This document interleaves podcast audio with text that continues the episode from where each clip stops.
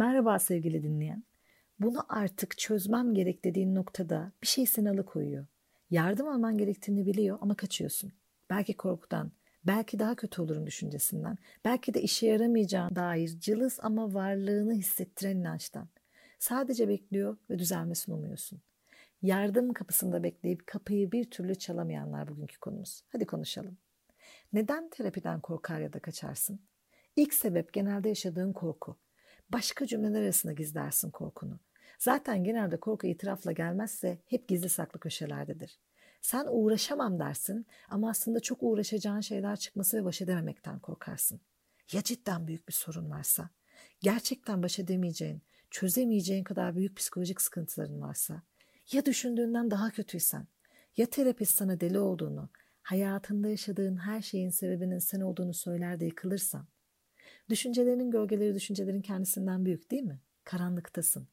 Güneş dik açıyla gelmediği ve seni aydınlatmadığı için uzuyor o karanlık gölge düşünceler.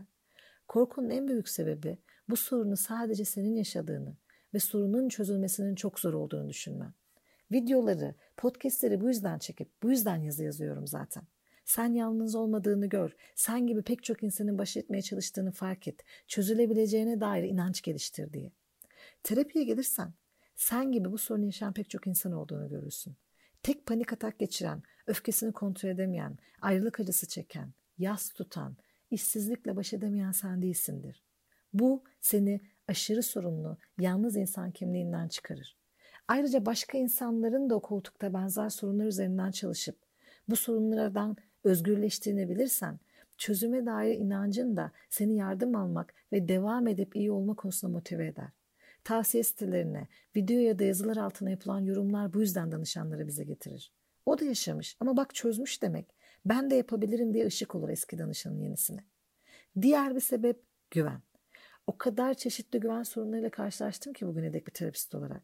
Seni dinleyeceğine, bilgilerini saklı tutacağına, seni yarı yolda bırakmayacağına güvenemezsin. Seni yargılamayacağına, eleştirmeyeceğine, hiçbir ek beklenti olmadan sana yardım edeceğine çalışacağına inanamazsın. Güvenmediğin bir kapıdan yardım istemen mümkün mü? Bir türlü güvenemediğin ve inanamadığın için şüpheyle kıvranmaktansa kendi göbek bağımı kendim keserim dersin. Doğru bir terapist bulduysan kanuni, etik ve insani değerlere sahip olmalı. İşin eğitimini almış, eğitim aldığı alan dışında uzmanlık belirtmeyen bir terapist bulmalısın önce. Eğer doğru biriyle çalışıyorsan bilgilerini saklamak ve korumak kanuni zorunluluğu ve etik sorumluluğu bunu aklından çıkarma. Seni koşulsuz dinlemek, yargısız, eleştirisiz kabul edip ilerlemene katkıda bulunmak da zaten işinin bir parçası. Kaldı ki bir terapist danışanın yardım ilişkisine devam ettiği, ettiği müddetçe danışanı yarı yolda bırakmaz.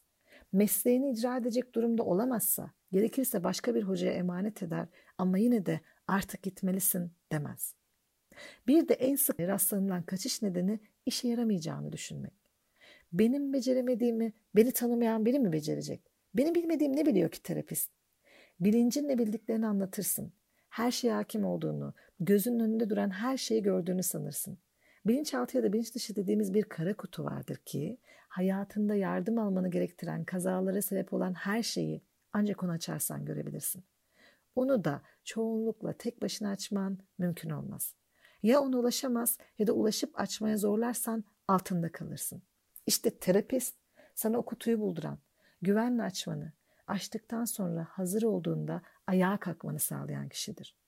Şu nedeni de es geçmemek gerek. Terapi dediğin zaman mahremiyet de büyük bir sorun değil mi? Hiç tanımadığın birine hayatınla ilgili en mahrem, en özel şeyler anlatmak tuhaf geliyor. Kimsenin kimseyi dinlemediği, yargılamaya hazır olduğu, en ufak tartışmada özelini döktüğü bir dönemde daha önce hiçbir iletişimin olmadığı birine her şeyini anlatacaksın. Senin için ne kadar sıra dışı olduğunu inan ki anlıyorum. O yüzden en zoru odaya girip lafa nereden başlasam diye düşündüğün o ilk an. Onu atlattıysan artık yola çıkmışsın demektir. Okulun ilk günü gibi. İlk gün başladıysan okul o sene bitmiş demektir. Danışanlarım odaya girdiğinde en zorunu başardınız ve içeri girip başladınız. Bundan sonrası artık gelir derim. Tüm nedenlerin benim için anlaşılabilir inan. Ama seni yardımdan asıl alıkoyan şey değişimin sende yarattığı korku. Bu zamana kadar bildiğin yollar seni huzursuz etmedi. Panikle baş etmek için alışveriş merkezlerinden uzak durdun. Birisi olmadan markete gitmedin.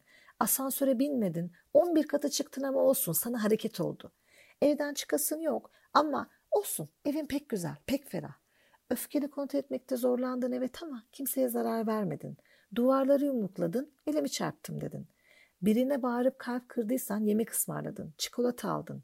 Özür dinleyip gönlünü hoş ettin. Bir daha yapıp yapmayacağın meç- meçhul. Tedirginsin ama olsun idare ediyorsun ya. Özgüven sorunun vardı ama sunumlardan kaçıp zor raporlar üstlenerek çalışkan görünmeyi başardın. İnsanlar seni asosyal sanıyor ama mühim değil kötü bilmiyorlar ya. Ayrılık acın ya da yasın var. Bir daha kimseyi sevemem diyorsun ama olsun anıların var ya. Boşanma arifesindesin. Doğru karar mı bilmiyorsun ama olsun herkes seni güçlü biliyor ya. Minik minik çakıl taşları uçurum aşağı sürüklenmeye başlamış. Karı toplayarak iniyor aşağı ufaktan. Sessiz, beyaz ama güçlü geliyor fırtına. Evden çıkamadığın bir duruma gelecek paniğin, yardım almazsan iş büyüyecek. Belki en sevdiklerin uzaklaşacak senden öfkene hakim olmayı öğrenmezsen. Bir süre sonra işinde yükselemeyip potansiyelinin çöp olduğunu göreceksin belki özgüven probleminin üzerine gitmezsen. Hayatını yalnızlık içinde geçireceksin gidenin gitmesine izin vermezsen. Yanlış karar mı verdim acaba diye kıvranacaksın bir ömür. Bir bilene derdini dökmezsen. Çığ altında kalmanın en kötü tarafı ne biliyor musun? Ne tarafa kazıp çıkacağını bilememektir. Yukarı doğru kazıyorum sanırken daha derine kazıyor olup olmadığını bilemez. Çabalıyorum sanırken belki bir yolculuk yaptığını fark edemezsin.